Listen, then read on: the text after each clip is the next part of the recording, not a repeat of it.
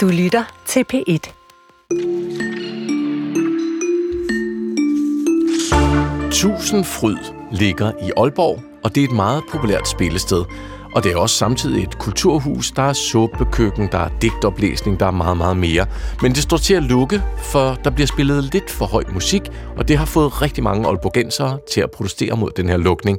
Faktisk, ja, så er der samlet flere underskrifter mod en lukning ind, end der var underskrifter mod afskaffelsen af Store Bededag.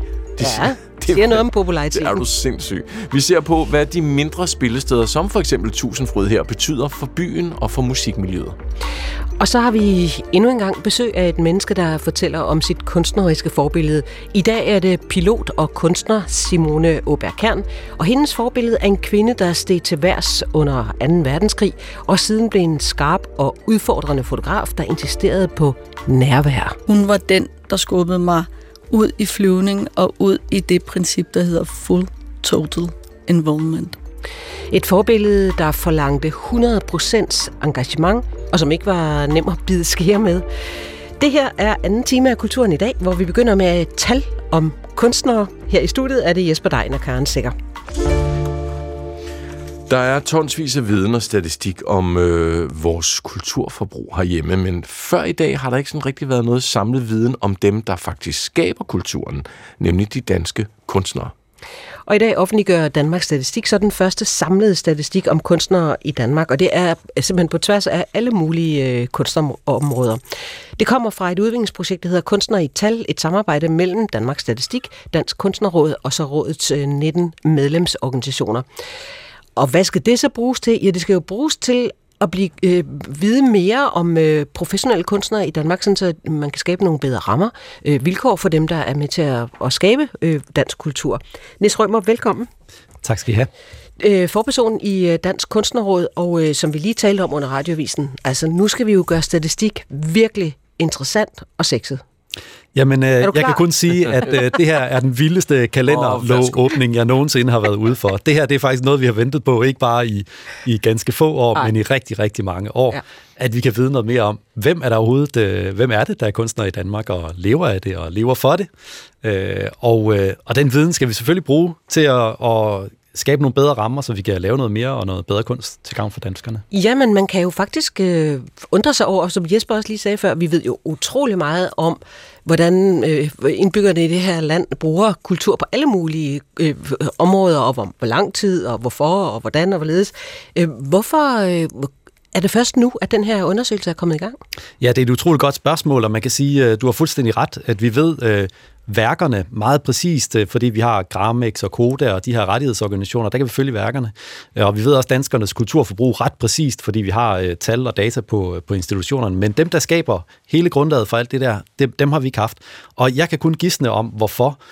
Men i hvert fald kan jeg sige, at noget af det store arbejde, som Dansk Kunstnerråd og organisationerne har lavet her, det er at prøve at blive enige om, hvordan kan vi overhovedet tale om, hvem der er kunstner i Danmark? Altså, hvordan kan vi definere det? Mm. Så det noget af arbejdet har simpelthen lavet og, og at lave det her grundlag for at overhovedet kunne, kunne, kunne beskrive den her gruppe. Ja.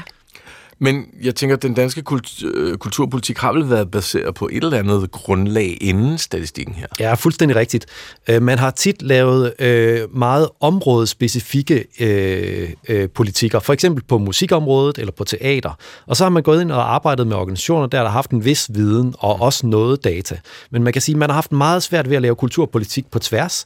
Og det er jo helt skørt, fordi rigtig, rigtig mange af de uh, issues, uh, barriere og potentialer, som der er, de er fuldstændig ens på tværs af ja. teater, musik, billedkunst ja. uh, og, og det hele. Ja. Og det er jo de tal, der så kommer nu, fordi statistikken viser noget om kunstnernes økonomi, øh, kønsfordeling, geografiske placering på tværs af de her brancher, som du siger. Og så er der selvfølgelig nogle af, af resultater, når man tænker, at det vidste vi måske nok lidt godt i forvejen. De fleste kunstnere bor i Københavnsområdet de færreste kan leve 100% af deres kunstneriske virke og sådan noget. Men, men hvad, hvad for nogle resultater kom bag på dig? Altså, et tal, der faktisk kom bag på mig, det var, øh, hvor mange musikere der er, hvor stort et felt det er.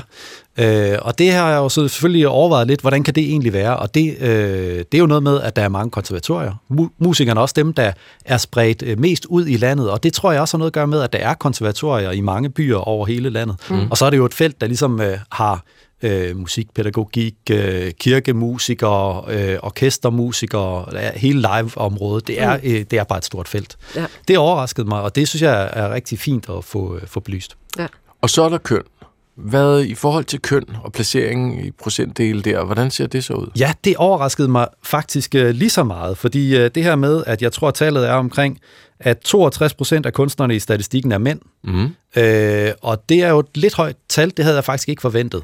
Noget af det, en meget stor del af det, kommer af, som vi talte om, den her store population af musikere, hvor kønsfordelingen er endnu mere skæv øh, som ligesom tipper hele Det er hele den, der feltet. trækker det i den gale ja, retning. Det, det er det, kan man sige, fordi forfattere er sådan set meget lige. Øh, billedkunstnere, der er flere kvinder end, øh, end mænd. Øh, og det er jo ikke, det er sådan set ikke nogen kæmpe overraskelse heller, fordi det er noget, man i musikken har arbejdet rigtig meget med, og jeg er sikker på, at I har haft indslag om det før okay. her, mm. øh, omkring hvordan man styrker indgangen til musik. Men, men det er jo stadigvæk, øh, man kan sige, det her med at kunne se det samlet, og kunne se på flere forskellige områder. Film og tv er et andet område, der er ret skævt, og altså, man må spekulere. Vi skal i gang med at analysere. Når jeg spekulerer, så tænker jeg, hmm, måske har det noget med arbejdstider at gøre, og hvordan man kan kombinere det med sit øvrige liv, kan være, men der kan være alle mulige andre barriere, og det skal vi jo kigge på systematisk ved at lave nogle analyser. Ja. Nå, Nis, det er godt, du har taget hovedtelefoner øh, på, fordi øh, vi har, øh, vi har en, øh, en anden gæst med øh, på en linje. Fordi statistikken viser også, at en stor andel af kunstnerne på tværs af fag er nødt til at få indtægter andre steder fra. Altså, de kan simpelthen ikke leve af deres kunst. Og en af dem er kunstner Christina Steinbock, som er med os. Goddag, Christina. Hej med jer. Videokunst er dit gebet. Øh, kroppe øh, med funktionsnedsættelse. Hvordan er det, du skaber dine værker? Øh, jamen, det gør jeg jo ofte med at arbejde sammen med de mennesker, der har den erfaring, som jeg ikke har. Altså, for jeg er jo fuldt funktionsdygtig, kan man sige. Ikke? Øhm, så jeg arbejder jo sammen med øh, i mange år har det været øh, mennesker med syns, synshandicap, øh, og i min sidste cabaret, som jeg skabte under et arbejdslegat for Dansk Kunstfond, der øh, har jeg arbejdet med forskellige mennesker, som, hvor vi har debatteret den handicappede krop og den seksualitet. Så det har været super spændende at debattere nogle begreber, mm synes jeg. Ja. Så det sidste videoværk var en, en cabaret med, med funktionsnedsatte kroppe. Kan man ja. leve af, af din kunst? Øh, nej, det kan jeg ikke. øh, og jeg har været i branchen i mange år og har gået på to forskellige akademier, så øh, jeg har prøvet at være ude i enmandsvirksomhed forskellige, i forskellige omgange. Øh, lige nu kan jeg sådan se flygtigt tilbage på sådan et patchwork-liv af nu 2023, hvor jeg er en del af statistikken, der fortæller, at 27 procent af os tjener 1-25 procent af vores indkomst i vores enmandsvirksomhed. Øhm, jeg har en ansættelse på 15 timer om ugen som gymnasielærer i billedkunst, og så har jeg tre timer om ugen som ledsager for en med synshandicap. Ja. Og det er min faste indkomst, ikke? Og resten skal du så hente yeah. ved at søge legater og så videre? Ja, yeah. yes. Og så har jeg, og det kan man jo sige, der er jeg jo, øh, jeg er jo glad for det, jeg har, fordi jeg faktisk godt kan lide at formidle den viden, jeg har som billedkunstner i andre sammenhæng, såsom undervisning. Øhm, og laver også synstolkning af spillefilm for synshandicappede. Så det læner sig op af min praksis, kan man sige, ikke? Ja. Øhm, som jeg er rigtig glad for øhm, at have ved siden af. Ja. Og jeg, jeg Altså, øh, hvad, ja, hvad er det så for især for problemer, du oplever øh, som kunstner, når det kommer til det der med økonomi? Fordi det, du beskriver, er jo sådan et, det man kalder et kludetæppe arbejdsliv. Ja, yeah, ja. Yeah. Jamen, det er jo helt klart sådan noget med, at der jo er større behov for nogle bedre løn- og honorarvilkår. Øh, og der er det jo vigtigt, at for eksempel fondene også sætter krav til, at der skal være et arbejdshonorar til kunstneren. Fordi ofte så søger vi jo penge til produktion af værker. Øh, og, den, og det sted, vi kan øh, hente løn ind til vores, øh, til vores løn, øh, det er jo i Statens Kunstfond. Og det er jo ikke, øh, det er jo ikke sikkert, at man er så heldig hvert år at få et arbejdslegat. Så det er klart, at hvis fondene kunne sætte et krav om, at der også var et arbejdshonorar for den refleksionsfase, vi bruger til at udvikle værker, så var vi jo bedre stillet, kan man sige. Ikke? Ja, klart. Tak fordi du var med, og god arbejdsløst. Tak skal du have. Christina Steinbock var det her. Altså en af kunstnerne, øhm, som vi taler om her, Nis Rømer, forperson i Dansk Kunstnerråd, er med her i studiet. Nis, hvordan kan jeres statistik hjælpe Christina Steinbock og kunstnere som hende? Jeg tror, øh, hvis du spørger de fleste kunstnere, så er det her område nok øh, noget af det, de allerhelst vil have belyst, og selvfølgelig mig øh, inklusiv. Hvordan sætter man de her ting sammen? Og vi hørte jo et rigtig godt eksempel her, og det man måske skal forestille sig, det er, at du hele tiden er oppe mod at jonglere et job, som giver noget indtægt mod noget usikker, usikker udviklingsarbejde. Mm. Og det er jo det, man står med øh, i, øh, altså som skabende kunstner øh, rigtig ofte. Øh, og den balance er bare super svær. Og hvordan, øh, når det nu egentlig genererer så meget økonomi gennem hele systemet. Bare tænk på turisme og film og alt det musik, vi hører, og hvor meget glæde det giver i øh, hverdagen. Hvordan får vi så ligesom øh, skabt et bedre grundlag for at øh, honorere de her kunstnere? Det er jo noget af det, vi skal ind og, og, og belyse med de her tal, og hvor vi faktisk får noget viden. Man kan sige, at det her er det første step Kulturministeriet står bag i behørige øh, armslængder har været med til at finansiere det her, men det her er altså det første step i at, at prøve at få noget mere viden, som de også skal bruge til at lave øh, politik på, øh, på det her område. I løbet af de næste to år, der prøver vi at, at udvikle, og lige præcis det her område omkring øh, freelancer og sådan noget, er noget, øh, vi kommer til at lave altså mere finmasket statistik ja. på øh, over den næste stykke. Men jeg tænker på, Nis Rømmer, altså vi, øh, det kan godt være, at vi har gjort det mere sådan branchevis, men vi har jo fortalt, for mange forskellige brancher om de her vilkår, kludetæppeøkonomien, det der med, at du kan ikke få finansieret den tid, hvor du egentlig skal udvikle din kunst, der hvor du har brug for at sidde for dig selv og tænke et nyt værk frem og sådan noget. Hvad er det i de her tal, der gør, at det måske bedre kan lykkes denne gang? Jamen, jeg, jeg, man får et helt andet blik for, øh, for de potentialer og de barriere, der er, fordi man kan hurtigt blive sådan lidt, at om det lyder også øh, rigtig skidt det her, men, men humlen er jo lige så meget det her med, altså hvordan får vi altså, brugt alle de potentialer, der er meget bedre, og der tænker jeg som øh, kulturpolitiker eller som øh, erhvervsrepræsentant, øh, som jeg også er, øh, at der, der er rigtig meget at hente i at, øh, at, at simpelthen gøre det bedre, ja. og sikre, at øh, Christina får, får bedre vilkår, det er jo helt, øh, helt oplagt øh, øh, når der bliver bidraget så meget ja. derude. Nu sidder I så med alle tallene. Masser af dem. Hvad, hvad sker der nu? Jamen, øh, det første, vi, øh, vi går øh, på i, i Dansk Kunstnerråd, det er at, at lave en publikation, der kommer til at hedde Kunstner i tal, hvor vi prøver at sætte nogle, nogle cases på de her tal, så det bliver levende. Vi ser for eksempel det her med, at der er rigtig mange, der, der bor i de større byer, men de arbejder jo i hele landet. Hvad er det for et arbejdsliv, de har? Som en ting at få det belyst. Mm. Vi skal ind og kigge på, hvordan er det med de her øh, kønsforskelle i de forskellige brancher, og få sat nogle ansigter og noget, noget, øh, noget kød og blod på det. Så det er ikke bare at tørre tal, men også øh, levet liv og, og rigtige historier. Og er det så møde med politikere, med fonde, med hvor I viser brochuren frem? Ja, den tænker jeg, den kommer hvert år, så kan man jo følge udviklingen og se, om de, de øh, ændringer, man laver, de fungerer. Og det næste er jo også, at kunstnerne faktisk kommer til at bidrage som afsender på nogle analyser om, hvordan kan vi gøre det her bedre, altså hvordan kan vi udnytte potentialerne. Det ser jeg sådan ligesom som den, øh, den, øh, den udvikling, vi skal igennem som, som kunstnerorganisationer. Skønt med et reality-check. Tak fordi du kom. Niels Rømer, forperson i Dansk Kunstnerråd, og på telefonen, der hørte vi lige før øh, kunstner Christina Steinbock.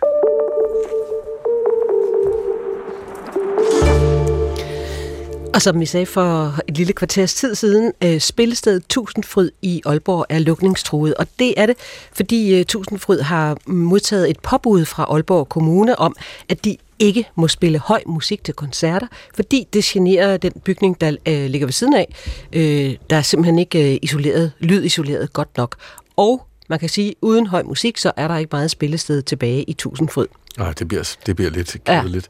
Ja. Hvad er det med Tusindfryd, og hvad betyder Tusindfryd for Aalborg? Øhm, det skal vi tale om nu. Aalborg som kulturby. Det skal vi tale med Begitte Sonner om, som vi har haft med flere gange i vores program. Hun er kulturjournalist på Nordjyske og med fra studiet i Aalborg. Hej Begitte Sonne. Hej. Dejligt, du kunne være med. Tak Jamen, det. sæt lige Tusindfryd på landkortet. De har været med i vores program flere gange, men, men hvorfor er det, at Tusindfryd er så vigtigt et spillested? Altså, det er jo faktisk meget sjovt, at da de bliver meldt ud, at uh, de er lukningstruede, så er det altså ikke bare i Aalborg, der er hvad hedder det, reaktioner. Det er over hele landet. Altså, at man ser kunstnere, der, der melder sig på banen øh, og kommer med meget personlige fortællinger om det her ja, 40 år gamle kulturhus. Det er sådan et sted, det er selvejende, det er brugerstyret. Øhm, hvis jeg lige sådan skal rise begyndelsen op, så startede det altså med foreningen Tusindfryd i 70'erne, der havde rødder i ungdomsbevægelsen og universitetsmiljøet, der kom lidt sent i Aalborg. som ønskede sig det her brugerstyrede kulturhus, og så rejste de simpelthen penge til at overtage et gammelt trykkeri, som de byggede om. Øhm, og, og jeg var jo ikke med dengang, men, men når man kommer dernede i dag, så har man sådan lidt fornemmelsen af, at de stadig står og fungerer som dengang. Altså det øverste instans, det er det her mandagsmøde, hvor alle kan komme ind fra gaden og byde ind. Øh, der er to øh, ja, ansatte bestyrer på stedet, men de har faktisk, faktisk ikke nogen reel beslutningskraft, uden at de har fået opbakning på det her mandagsmøde. Så det er også lidt en svær situation for dem at håndtere for tiden, fordi de skal hele tiden løbe til møder og få alt godkendt. Ja. Øh, og så er det udover at være et spillested, øh, som er ret kendt, altså, så er det, som I også selv har fortalt, altså der er atelier til kunstnere, der er suppekøkken, der er en biograf, hvor der bliver vist en gamle B-film og smalle genre og afholdt digtoplæsninger. Ja. Øh, og så er det et sted, hvor rigtig mange, der senere er blevet til noget i kulturlivet, altså de har tilegnet sig kompetencer, og det er også nogle af de historier, der er kommet frem her på det seneste. Ja, fordi når du siger, at det, at det er øh, folk fra hele landet, der øh, protesterer mod, øh, mod lukningen af Tusindfryd, så siger det vel lidt om, jeg gætter på, at det er nogen, der enten har spillet der, eller er kommet der som unge og har fået mod på, på musik og så meget andet. Hvad siger det om miljøet, der er det sted? De siger, at miljøet er, er meget, meget unikt. Altså, at, at man, det er sådan et sted, der det er meget værdibaseret. Jeg tror, det er rapperen Raske Penge, der fortalte, at det her, han lavede at lave events med en social eller værdibaseret profil. Øhm, der er en producer fra, han hedder Mads Møller fra Pitch Shifters, øh, og der også er fra Aalborg oprindeligt. Han har fortalt om, at at dengang han var bare 15 år, og han, altså, og han begyndte at interessere sig for det her, altså, så bookede han selv navn. Han fandt selv frem til de her hip-hop-navn, han var interesseret i. Dengang var det mere i stedet for punk. Øhm, og så bookede han dem og trykte plakater, og det var ham, der sådan hentede bandet og, og øh, havde kontakten med dem, og ham, der installerede dem på den her sovesal, som de har oven på Tusindfryd, altså hvor bandsene, de sover oppe. Ja. Og så tog han ind morgenen efter koncerten, og så vaskede han sengetøjet og pakkede det sammen igen.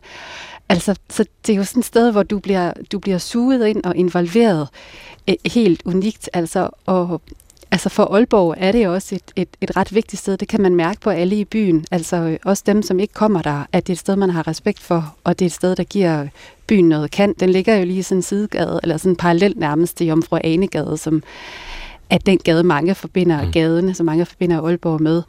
Øh, og det her, det, det er ligesom alternativet for en hel masse unge, det her sted. Øhm, ja, fordi ja. det er, det er en, en markant anden målgruppe, ligesom øh, København har Stengade øh, spillested. Så at, at det tiltrækker nogle andre end Jomfru Anegade-crowden. Hvad, hvad er det for folk, der kommer på, på, på Tusindfryd? Ja, jamen, det er, der er selvfølgelig rigtig mange musikinteresserede. Øhm, og altså, det er jo mest unge, der kommer, men jeg vil sige, de gange, jeg har været til koncerter, så har der også været altså andre udefra, der måske ikke har deres daglige gang der, og som ikke spiser med i, i suppekøkkenet, men, men simpelthen kommer derned også bare, fordi der er fed stemning og nogle gode koncerter. Der er mange, øh, der er rigtig mange studerende, også internationale studerende, altså som kommer ned og, og øh, ja, for at få noget andet kultur. Altså, og og så er mange, der kommer altså for at opleve de her navne, som, ellers, som man ellers ikke kan opleve rundt omkring i Aalborg. Øhm, de er også meget involveret i byen Tusindfryd. Altså, de har lige holdt sådan en meget populær festival for ekstrem musik i Musikens Hus, altså, hvor rygtet bagefter går, at det har været ekstremt professionelt afholdt eller afviklet. Øh, og det er altså det, man kalder aktivister, der har afviklet det her. Frivillige folk. Øhm, og det, det, det er jo også ret unikt i sig selv, altså at øh, at, det, at, ja, at, at det, det er folk, der brænder for det, de gør, altså som, som bliver så dygtige. Øhm, ja. ja. Og, og, og som Jesper lige sagde i begyndelsen, altså man kan jo også se på populariteten, at der, der er sat øh, gang i sådan en underskriftsindsamling. Ja. Og jeg ved ikke, det gør du, kender du bedre end mig, men det er mere end 10.000 underskrifter, der er kommet, så vidt jeg ved, ikke? Jeg tror, det er oppe på lidt over 11.000 nu. Ja. Jo. ja. Og det er flere mennesker, end, øh, end dem, der skrev under på, at øh, stor der ikke skulle afskaffes. ja, det, det er ret vildt. Øhm, ja. Hvor, og hvordan kan det være? Altså, at det, fordi det må jo også være en masse mennesker, som slet ikke har deres gang på Tusindfryd. Ja, men der er alligevel mange, der har været forbi. Jeg tror, det er et sted, som også folk, der interesserer sig for musik i hele Danmark, altså, at de kender til. Altså bands kender i hvert fald til det. Øhm, og så tror jeg måske også, at de rammer ind i sådan lidt mere en principiel diskussion. Altså, det, det er jo sådan en, en, en klassisk historie, det her med, med et spillested øh, som Tusindfryd, et 40 år gammelt spillested, der kan risikere at, at, at falde altså på, på grund af sådan en byggefejl i 80'erne. det, det tror jeg også er noget, som mange reagerer på, øhm, kan jeg forestille mig. Ja. Og vi taler jo, Birgitte, øh, ofte øh, om øh, de små spillesteders øh, betydning og, og, og deres lidt øh, vakkelvorne liv i de her år. Ja. Øh, de bliver troet af de store danske øh, spillesteder. Mange navne er simpelthen blevet for dyre til, at, at mindre spillesteder kan hyre dem. Mm. Hvilken betydning har Tusindfryd øh, i den forbindelse for sådan noget med at være et mindre spillested? Altså i forhold til sådan økonomien? Ja, blandt eller, andet. Ja. Hmm, det ved jeg faktisk ikke. Altså, de har, de har både koncerter, der, der er helt fyldt op, og så har de koncerter, som, øh, hvor der ikke kommer så mange. Øhm, men de er jo en del af den der fødekæde, kan man sige. Altså, at, at de jo det er jo den øh, debat, som Michael Marino for Huset for eksempel også har tappet ind i, altså hus, hvad hedder det, Huset Hasridsgade i Aalborg. Mm. Øhm, og, og Ja, der er jo en platform her, hvor de rent faktisk kan spille mange af de bands. Altså jeg ved, Minds of 99 har jo spillet både her og på Studenterhuset. Altså jeg ved, jeg kan ikke huske, hvor det var, men, men de spillede de samme tre numre om og om igen, ikke? Og, og, og resten af historie. ja, som man siger. Øhm, og, og på den måde, så altså, det er jo det, man siger, at der er rigtig mange bands, der har, der har startet ud her. Det er jo også noget, de har slået på i hele den her debat. Altså, øhm, at, at det her, man har kunne opleve bands, inden de er blevet store, og det er jo det, der skal til.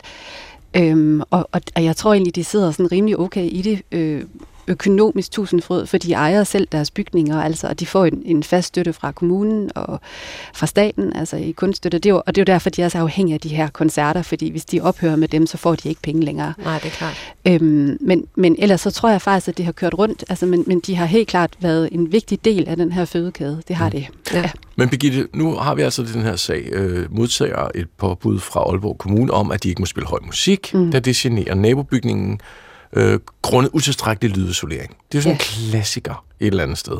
Hvad, hvad er status på sagen nu? Hvorfor, hvorfor laver de ikke noget crowdfunding? Hvorfor, hvad sker der?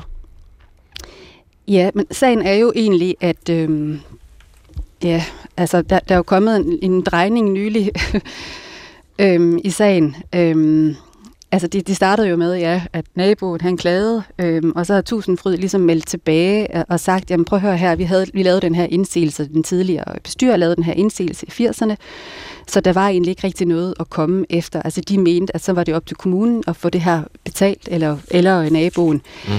Men nu lyder det så fra øh, kommunen, altså for by- og landskabsforvaltningen, der har været dykket ned i det. Altså, øh, de har så opdaget, at Tusindfryd faktisk ikke var registreret som spillested, da de indsendte indsigelsen i 1986. De blev de første i 1993. Øhm, og det er jo det, der har været deres S i den her sag.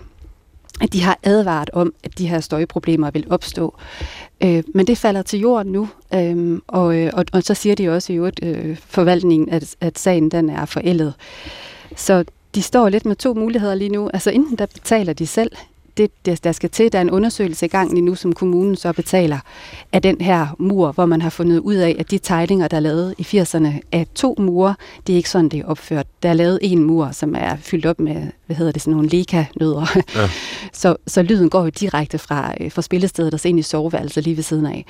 Øhm, så inden det betaler de selv det her, de kan optage lån i bygningen. Man kan også starte en indsamling. Man kan sige, når man har 11.000 at skrive under i sådan en underskriftsindsamling, hvis de alle sammen lægger nogle penge, så kan man også rejse nogle penge ret hurtigt. Men, men man ved heller ikke, hvor omfangsrigt det her bliver, fordi altså, det er jo ikke et kæmpe stort spillested, det er faktisk sådan ret trangt. Det er også det, der gør det, sådan, det, gør det ret intimt. Det er, en, det er en fed oplevelse at opleve koncert mm. dernede.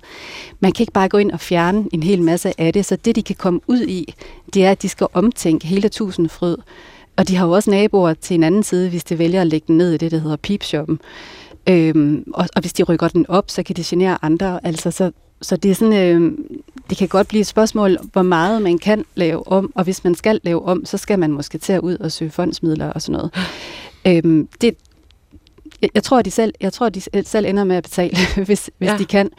Hvis ikke de kan det, altså, så må de jo lægge sag an, enten imod kommunen, de kan for eksempel anfægte det her med, at de vurderer, at de ikke havde status som spillested i 86, fordi jeg har talt med flere lokale, der sætter spørgsmålstegn ved, hvor mange der egentlig havde den her status på det tidspunkt.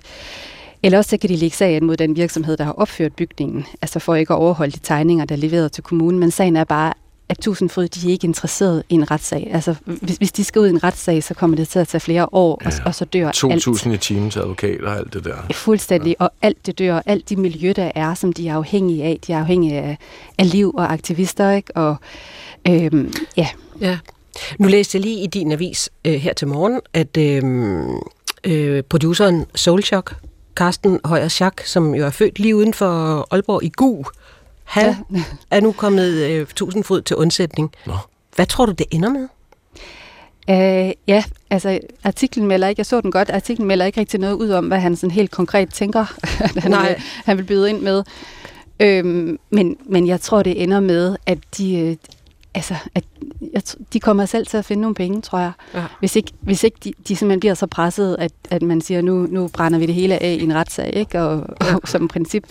Øh, og så ved jeg også, at Aalborg Kommune, de er simpelthen så villige til at bakke op. Altså, de har endda sagt, at de vil hjælpe med anlægsstøtte i tilfælde af en total ombygning.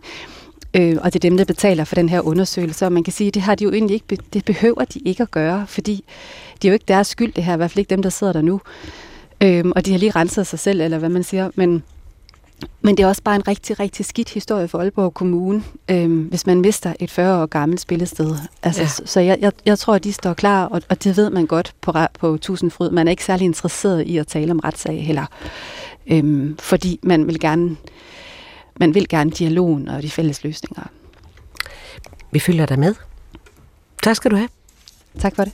Birgitte Sonne, som er kulturjournalist på Nordjyske. Og så tænker jeg, nu vi taler om Tusindfryd, så var vi lige kigge programmet. Lørdag den 16. december, der er der rap på Tusindfryd. Der kan man blandt andet høre, det er helt pjattet med, Hummerdreng, og ham du skal høre nu, Klostermand. Klostermand hedder Jens Munk, han er en ung rapper fra den nordjyske muld. Her får du en bid af hans sindssygt veloplagte opgør med al den der københavnersnak om udkants Danmark. Nå, men for helvede, altså jeg gider ikke være med til det der, men om vi skal også sende nogle af de gode uddannelser til Jørgen, så man har lyst til at bo der. Det har man ikke alligevel jo. Man, prøv nu fat og prøv at give mig lidt plads. Jeg kloster mand og provinciel med jyske rødder både dag og nat. Det er for plat, det her jeg blev sat. Her står jeg sten og standhaftig som en dum tin soldat. Den jyske muld, den er fuld af guld. Drengene bag mig spiller på alle fire hjul.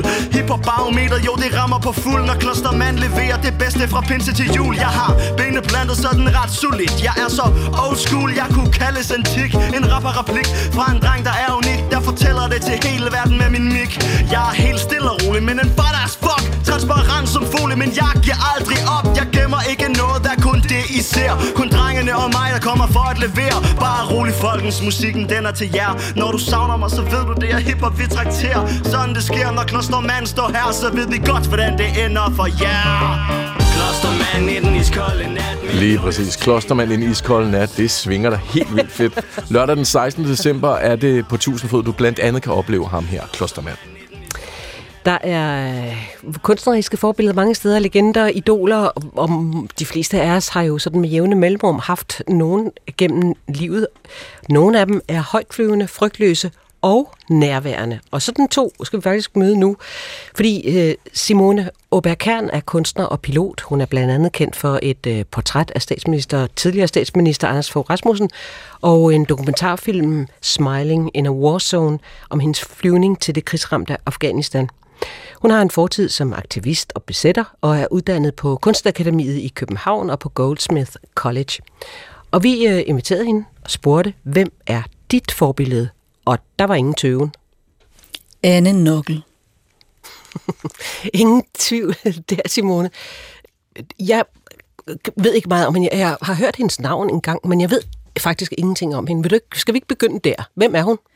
Anne Nokkel var pilot under 2. verdenskrig. Hun øh, fløj slæbemål og jægerfly. Slæbemål? Slæbemål, det vil sige, du flyver en øh, jægerflyver, og og så har du sådan en, en ting, en banner efter dig. Ah. Og så skal dem, der skal lære at, at skyde med deres øh, kanoner på deres fly, så skal de prøve at skyde på det der slæbemål. Mm. Det vil sige, at indimellem så rammer de også dine flyver. Ja, og det er jo ret vildt, fordi de flyver, hun flyver det er de der, som jeg lavede, da jeg var dreng i modelflyver. Det er de gamle Mustang, det er sådan nogle 2. verdenskrig. Helt som man ville tegne, når man er barn.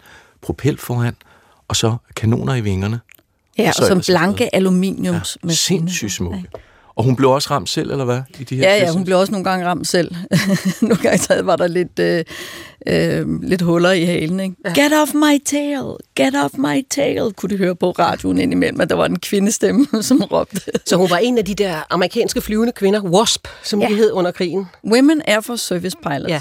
Og efter krigen, så, ville, øh, mændene, så tog mændene deres øh, job, så derfor så havde hun et job med at lære mændene, de, de dårlige, udulige mænd at flyve, sådan så de kunne tage mit job, som hun sagde. Ja. Og efter det, så blev hun crop duster. Man kunne ikke uh, få et job som kvinde, som airline-pilot, selvom at de havde øh, 6.000 timer eller sådan noget, fordi mændene gik i strække for at undgå, at kvinderne Nå. fløj.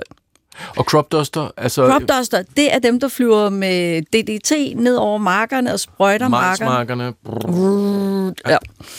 Ja. Øhm, ja, og så trækker man flyveren op for enden af marken, måske ind under nogle ledninger, og så laver man øh, et swing, og så kommer man ned igen med flyver tæt på jorden med en tung last. Sindssygt dygtig skal man være, skal man ikke? Sindssygt dygtig. Det er en ting, der er meget nem at dø af. Okay.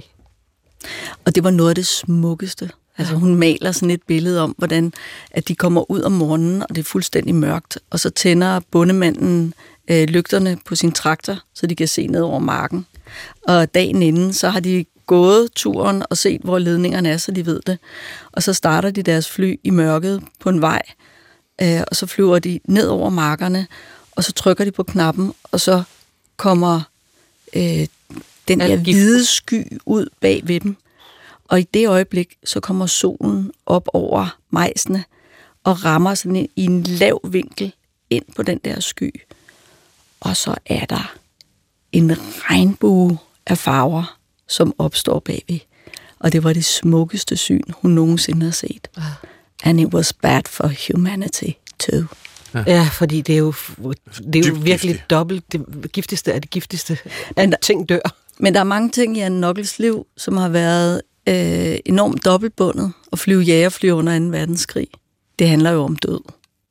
Hun trænede mænd, så de kunne tage ud i krigen og dø selv og bringe død. Og efter 2. verdenskrig, så fløj hun øh, sprøjtegift. Hun fortæller også om, hvordan øh, hun flyver ned over, jeg, øh, jeg er ikke helt sikker på, om Texas et eller andet sted, øh, ned over en lille by. Øh, og så skal hun sprøjte DDT ud over byen, fordi jeg ved ikke, om der er moskitoer eller et eller andet. Øh, og så der har været sådan nogle wang, wang, wang, wang, wang, alarmer for, at folk skulle ud af byen. Mm.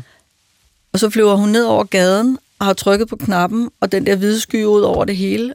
Og så kigger hun ned, og så står der en lille dreng med hovedet opad og rækker tungen ud. Nej, nej, nej. Ej. Og så rammer der ligesom noget af det der hvide som sne på hans tunge. Åh oh, nej. Sådan nogle billeder har hun mange af. Ja. Og billeder. Fordi en ting er, at du beundrer hende som kvindelig pilot. Ja. det er du selv. Øhm, Men hun er grunden til, at jeg blev pilot. ja. Og fotograf. Er hun jo også. Hun er også fotograf, ja, Ja. ja. men hun er kunstner. Ja. Øh, og hun er den, som har givet mig min måde at arbejde på. Altså, hun var den, der skubbede mig ud i flyvning og ud i det princip, der hedder full total involvement.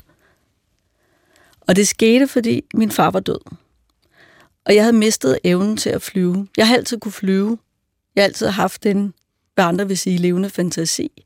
Jeg kunne cykle, og så kunne jeg flyve i tagrende højde samtidig.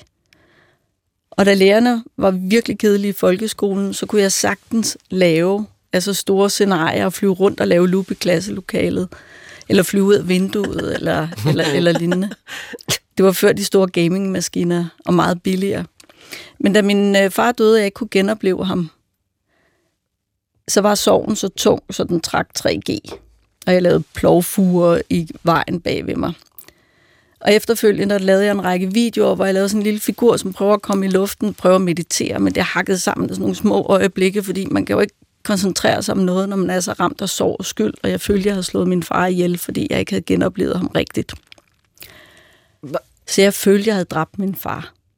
Og i det, der prøver jeg at lave nogle kunstværker. Jeg laver sådan nogle video, green screen ting, øh, en figur, der hopper op og ned, og er på en eller anden måde også både et symbol på, på min egen sjælstilstand, øh, men også et symbol på den her vestlige verden, som øh, prøver at komme i luften og flyver afsted og basker frem og tilbage uden mål og med den eneste sikre kurs er afgrunden. Vi ved allerede på det tidspunkt, at, øh, at, øh, at der er en økologisk krise foran os og forurening og alle de der ting.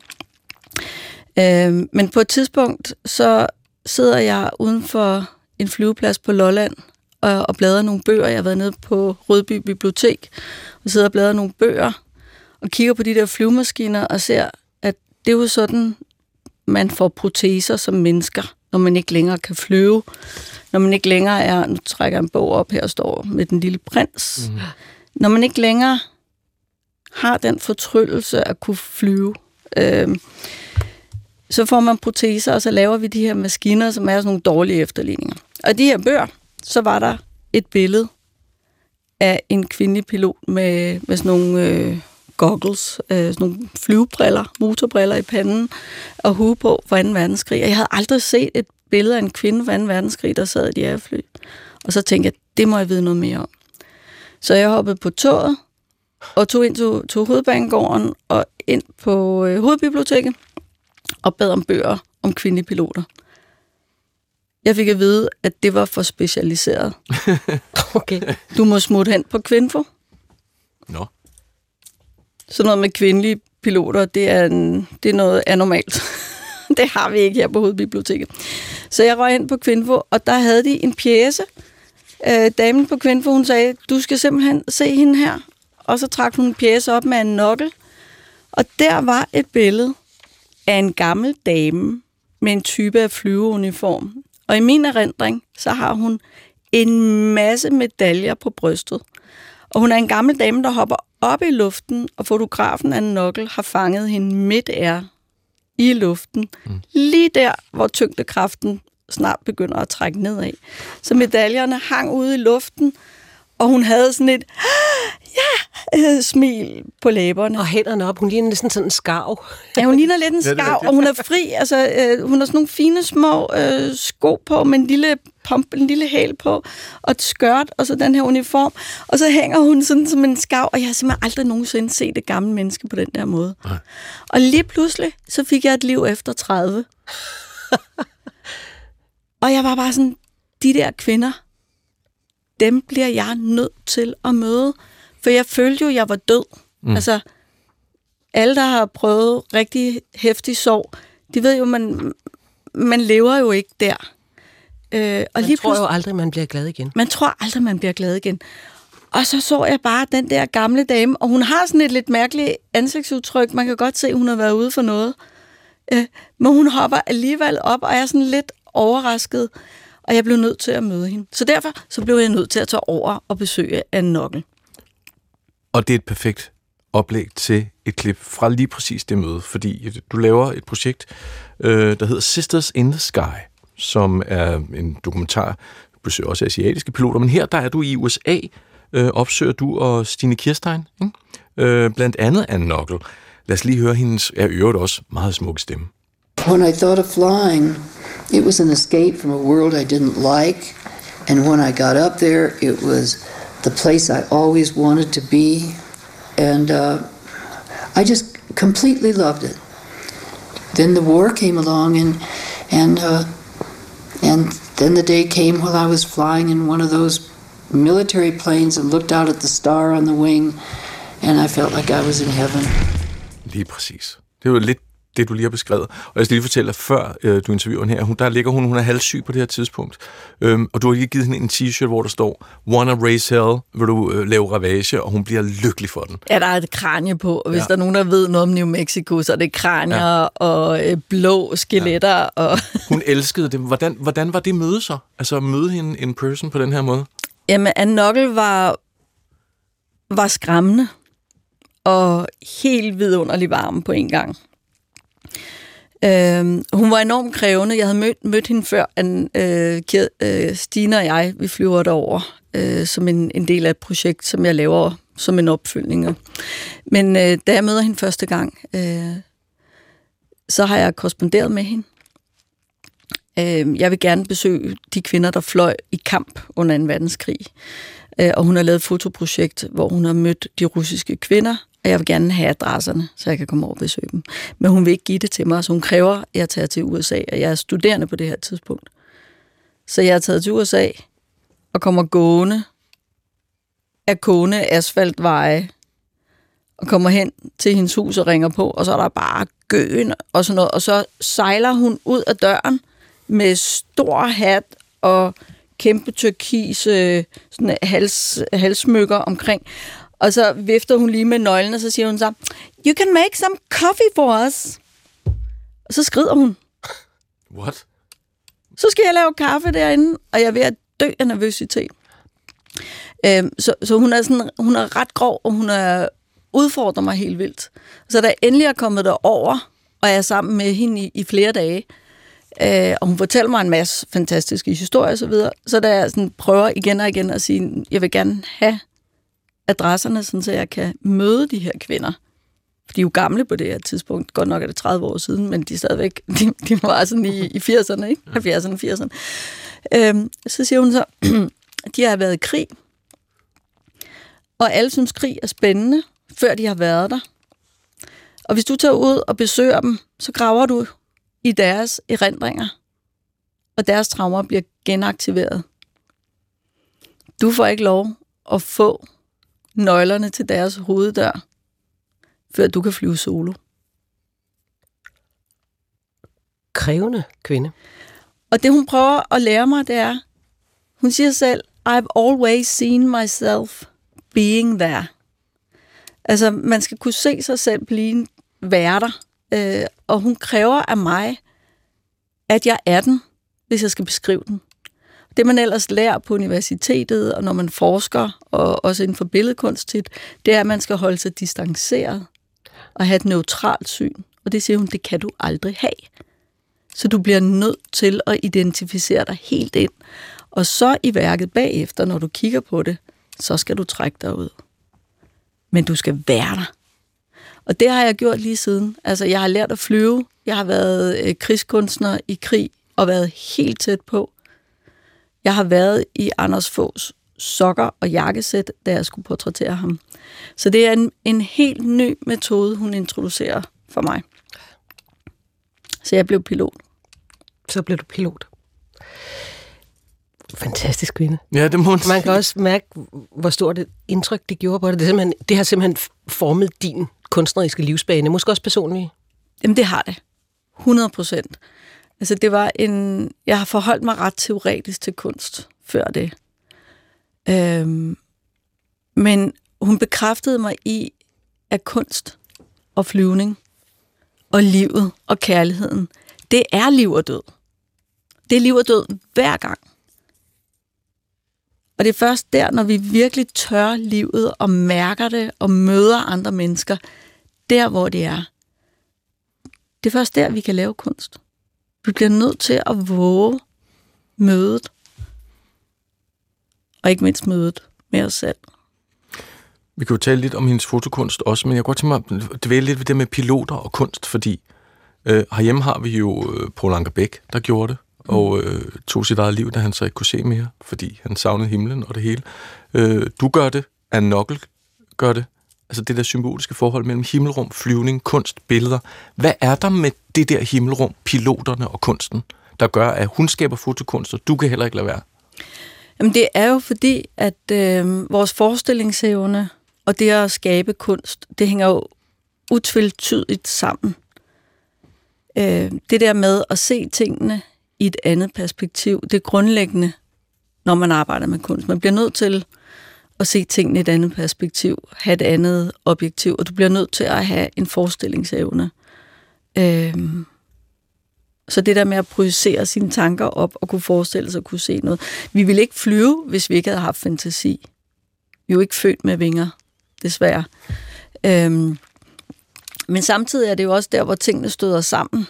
Det er lidt ligesom med, med krig, at, at det er der, hvor vores forestillingsevne og ideen om frihed støder sammen med det, det sted, hvor der er allermest kontrol. Du kan ikke flyve uden at have fuld kontrol over tingene. Øhm, så der er nogle modsætninger, som inviterer til kunst. Paul Anker Beck og alle mulige andre mænd, de har jo den fordel, at det, det der luftrum, det var defineret for dem lige fra begyndelsen. Øh, Melly Besse, som var en af de allertidligste piloter, hun blev altså nødt til at lave sin egen flyver selv, og sin egen flyveskole, for at kunne komme i luften. Øh, fordi mænd ikke ville, ville være med. Øh, Otto Lilienthal havde jo også en søster, som var med til at, at gøre han og hans brors øh, flyveeksperimenter øh, mulige. Hende har vi aldrig hørt om. Nej. Øhm, så kvinder er systematisk øh, skrevet ud af flyvehistorien, og sådan er det jo også inden for kunsthistorien. Og både Anne Nokkel og jeg har en feministisk indgangsvinkel til vores kunst. Øhm, og jeg tror begge to, at vi har på hver vores måde også øh, søgt vores tribe, altså vores fællesskab. Og det der med at finde nogen, som er lidt ligesom en selv, ja. dem kunne hun finde inden for flyvning.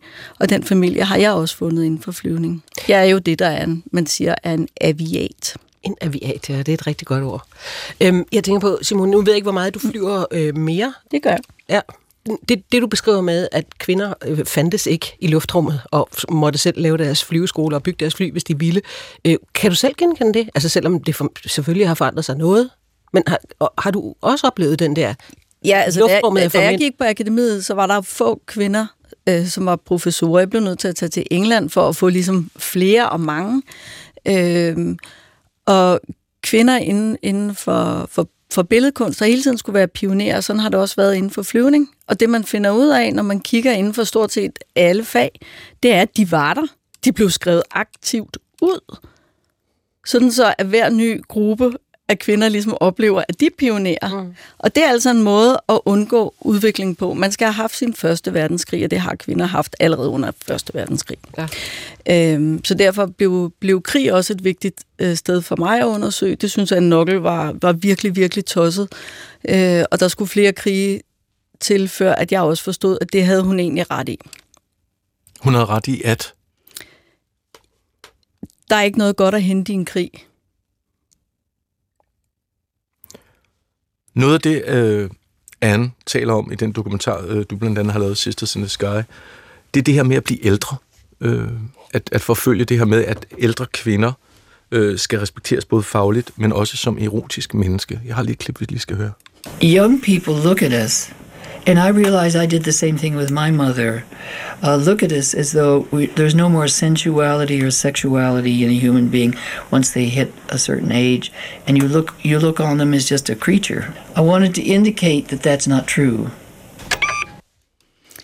Og det var så skræmmende. Hun havde sådan nogle billeder hængende af sig selv, hvor hun sidder øh, sådan lidt ligesom den der manden øh, på sengekanten, der sidder og ryger smøgen, og så ligger kvinden sådan øh, nøgen om bagved. Sådan et havde hun af sig selv øh, med, med sin, med unge, sin unge assistent ja. øh, og elsker, altså som hun præsenterede som elsker, det viser sig senere, det var altså ikke hendes elsker, mm. øh, om bag ved sådan en ung lækker mand der. Mega flot fyr, der bare ligger og sover. Vildt flot ja. fyr, som ligger og sover der, og hun, hun selv øh, ligger, man, man ser ikke hendes øh, nipples, men den er sådan lige kottet under, og hun er i hvert fald i 60'erne på det billede der, ikke? måske lige frem op mm. mod 70.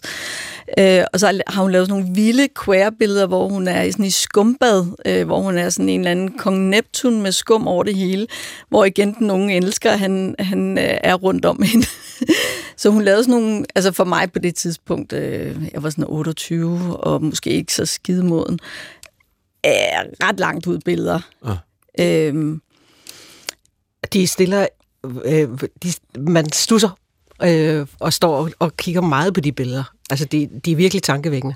Og det er enormt meget i kontrast til de her kvinder, som flyver under 2. verdenskrig. For at blive accepteret, så har de jo haft utrolig travlt med ligesom at holde sig inden for normen og være ærbare og sådan noget, selvom de var jo hen over plankeværket og ud og hente sig en, en lover under 2. verdenskrig, var der virkelig gang øh, under bæltestedet. Ikke? Øh, men de skulle hele tiden være meget mere korrekte, og det var meget, meget vigtigt, at man ikke var lesbisk, og man ikke var alt muligt andet. Så det der med at dødens øh, stramme vej, hvor at en Nokkel som fotograf jo har, øh, har udfordret, hvad det vil sige at være gammel og være kvinde, øh, og hvad det kan indeholde. Ikke? Men Timon, så er der jo, synes jeg, noget sjovt, fordi du fortalte os lige inden vi begyndte at optage, at hun var lesbisk, og man kan jo undre sig over, at den her fandende voldske kvinde, som udfordrer alle mulige øh, moralbegreber på mange punkter, aldrig rigtig stod frem ja. som det. Hvorfor tror du ikke, hun gør det? Øhm, hendes assistent siger, øh, og han er jo et, øh, han er jo et bøsse, han siger, at det havde for store konsekvenser for hende, og hun var bange for, at det skulle skygge for hendes øh, fotografi og være med til at lave en stereotyp ud, over, ud af de kvinder, som fløj under en verdenskrig. Det har jo også ligesom mødt, at jamen, det er jo nok sådan nogle betonlesbiske nogen, altså hvor det bliver brugt som et skældsord, og en kasse, som kan forklare, at almindelige kvinder gør jo ikke sådan noget. Rigtige kvinder. Rigtige kvinder gør jo ikke sådan noget. Øhm, og det tror jeg har været vigtigt for hende som pilot. Ikke ligesom at få den øh, label og den kasse banket ned over sig. Øh, og jeg tror også, som kunstner, så vil hun gerne have lov til at bare være kunstner. Øh, men man kan undre sig over det, fordi der er jo andre, som har tur at stå frem med det i, i, i højere grad. Men jeg tror, hun simpelthen har valgt sine kampe. Mm. Fair nok. Lad os lige fokusere på hendes fotokunst, Simone. Altså, hvordan vil du beskrive det, hun laver? Jeg vil gerne beskrive et billede, som har gjort meget stort indtryk på mig. Jeg så det tidligt. Øhm, og det er et, et selvportræt, hvor hun står med bare ben i sådan et suit suit. Det er sådan en kedeldragt, som de havde på, de her kvinder, som er under en verdenskrig. Den er for stor. Men hun står der som ældre kvinde, og hun står på vingen af sådan et aluminiumsfly. Mm. Og hun har sådan nogle store fødder, som er sådan fremme i billedet. Øhm, så tæerne er ligesom store. Og store tåen står ligesom på hjørnet af en, øh, en nitte. Lidt ligesom... Altså, det er så sensuelt, så det, det kunne være en bryst, hvor det den der store tå lige står sådan på hjørnet af. Ja. Og det, der er helt fantastisk, det er sort-hvid fotografi, sådan helt klassisk sort-hvid, og sådan stort New mexicanske øh, ørkenlandskab i baggrunden. Det er den der fornemmelse af at være der. Et enormt nærvær og en sensualitet og en humor. Man kan jo tydeligt se det i hendes øh, portrætter, hvor der er mennesker på, og der er hele tiden sådan et eller andet lille øh, twist og noget humor og, og, og en meget stor kærlighed. Men det der billede, det er, I have always seen myself being there. Jeg har altid set mig selv være der. Vi er i det møde.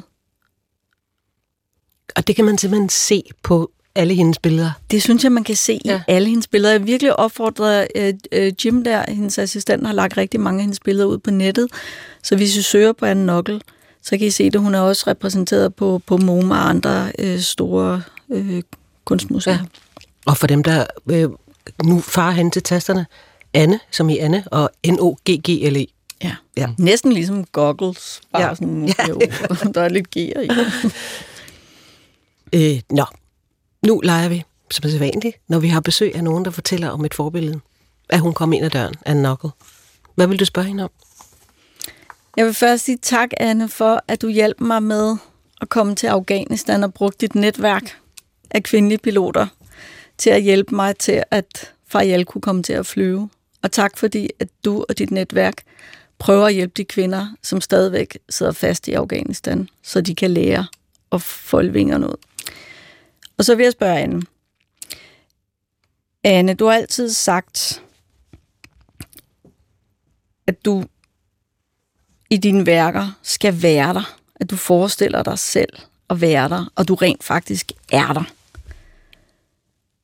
Så lige nu, efter du er død, med den erfaring, hvordan vil dine fotografier så se ud? Hvor vil du være i den verden, vi har nu? Vil det stadigvæk være gamle kvinder, som vil være dit mål, eller vil det være noget helt andet? Vil du være i Gaza? Vil du stå på grænsen mellem Israel og Gaza? Og være lige der i den konflikt, med al den viden, hjerterum og kunstnerisk indsigt? Vil det være der, du var? Eller stod du midt i de der storme, som er ved at vælte os som kul? Og gav os en retning? Godt spørgsmål. Det var øh, kunstner og pilot Simone Oberkern, der fortalte om sit kunstneriske forbillede Anne Nockel, som også var pilot og kunstner. Og så kan vi da lige nævne til sidst, at øh, Simone Oberkerns næste værk bliver Vindenes Tårn. Øh, sådan kæmpestor kunstværk, der skal stå i Aarhus Lufthavn. Det er snart listetid, slutningen på året. Årets serie skal kores, årets film og ikke mindst årets musik. Og i de her dage, der får en del, hvis man øh, for eksempel abonnerer på Spotify, får man øh, en øh, indblik i sine egne lyttervaner. Spotify Wrapped, en liste, øh, der fortæller, hvem man personligt har lyttet mest på i løbet af det her år, der er gået. Mm. Og hvis nu man øh, dropper de personlige, så og ser på den globale liste, så ser den ud øh, ikke overraskende. Øh, Taylor Swift ligger i toppen af listen. Bad Bunny øh, ligger nummer to. The Weeknd ligger nummer tre. Og Drake nummer fire. Men Mm. så på femtepladsen. Så kommer der et navn, som... Peso Pluma. Mm. Fortæl mig, hvem det er. Lige præcis. Jeg aner det ikke. Det gjorde vi nemlig ikke, og så gik vi ind og læste om ham. Øh, vi lavede et hurtigt tjek. Peso Pluma betyder fjervægt øh, i sådan en bokseklasse. Øh, han er 24 år gammel meksikaner, hedder Hassan Emilio Cabandelaya, og har spillet guitar det meste af sit unge liv. Han elsker meksikansk folklore og hiphop, og nu kommer det interessante. Så er han fan af den gode fortælling og en over 200 år gammel meksikansk sangtradition. Corridos, corridos, ja, noget af den stil, der ofte handler om undertrykkelse eller dagligdagen for kriminelle. Jeg synes, vi skal høre manden. Øhm, en milliard, Karen, afspilninger. Det her er nummeret Ella Baila Sola. Hun danser alene. I kan lige selv høre, om ikke det her, det er bare Emma af Mexico.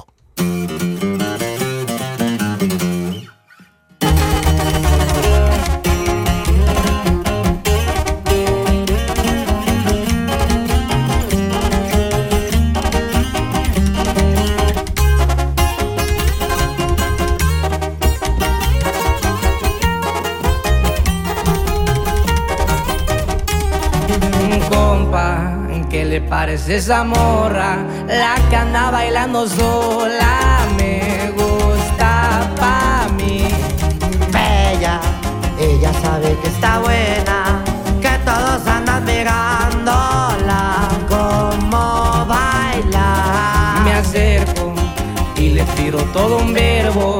Tomamos tragos sin peros. Verdens femte mest afspillede kunstner, meksikanske Peso Pluma. Karen Sikker og Jesper Dein var i studiet. Det var Natasha Jarsi, der producerede. Og i morgen, ja, så er vi tilbage. Kan I have det godt så længe? Gå på opdagelse i alle DR's podcast og radioprogrammer. I appen DR Lyd.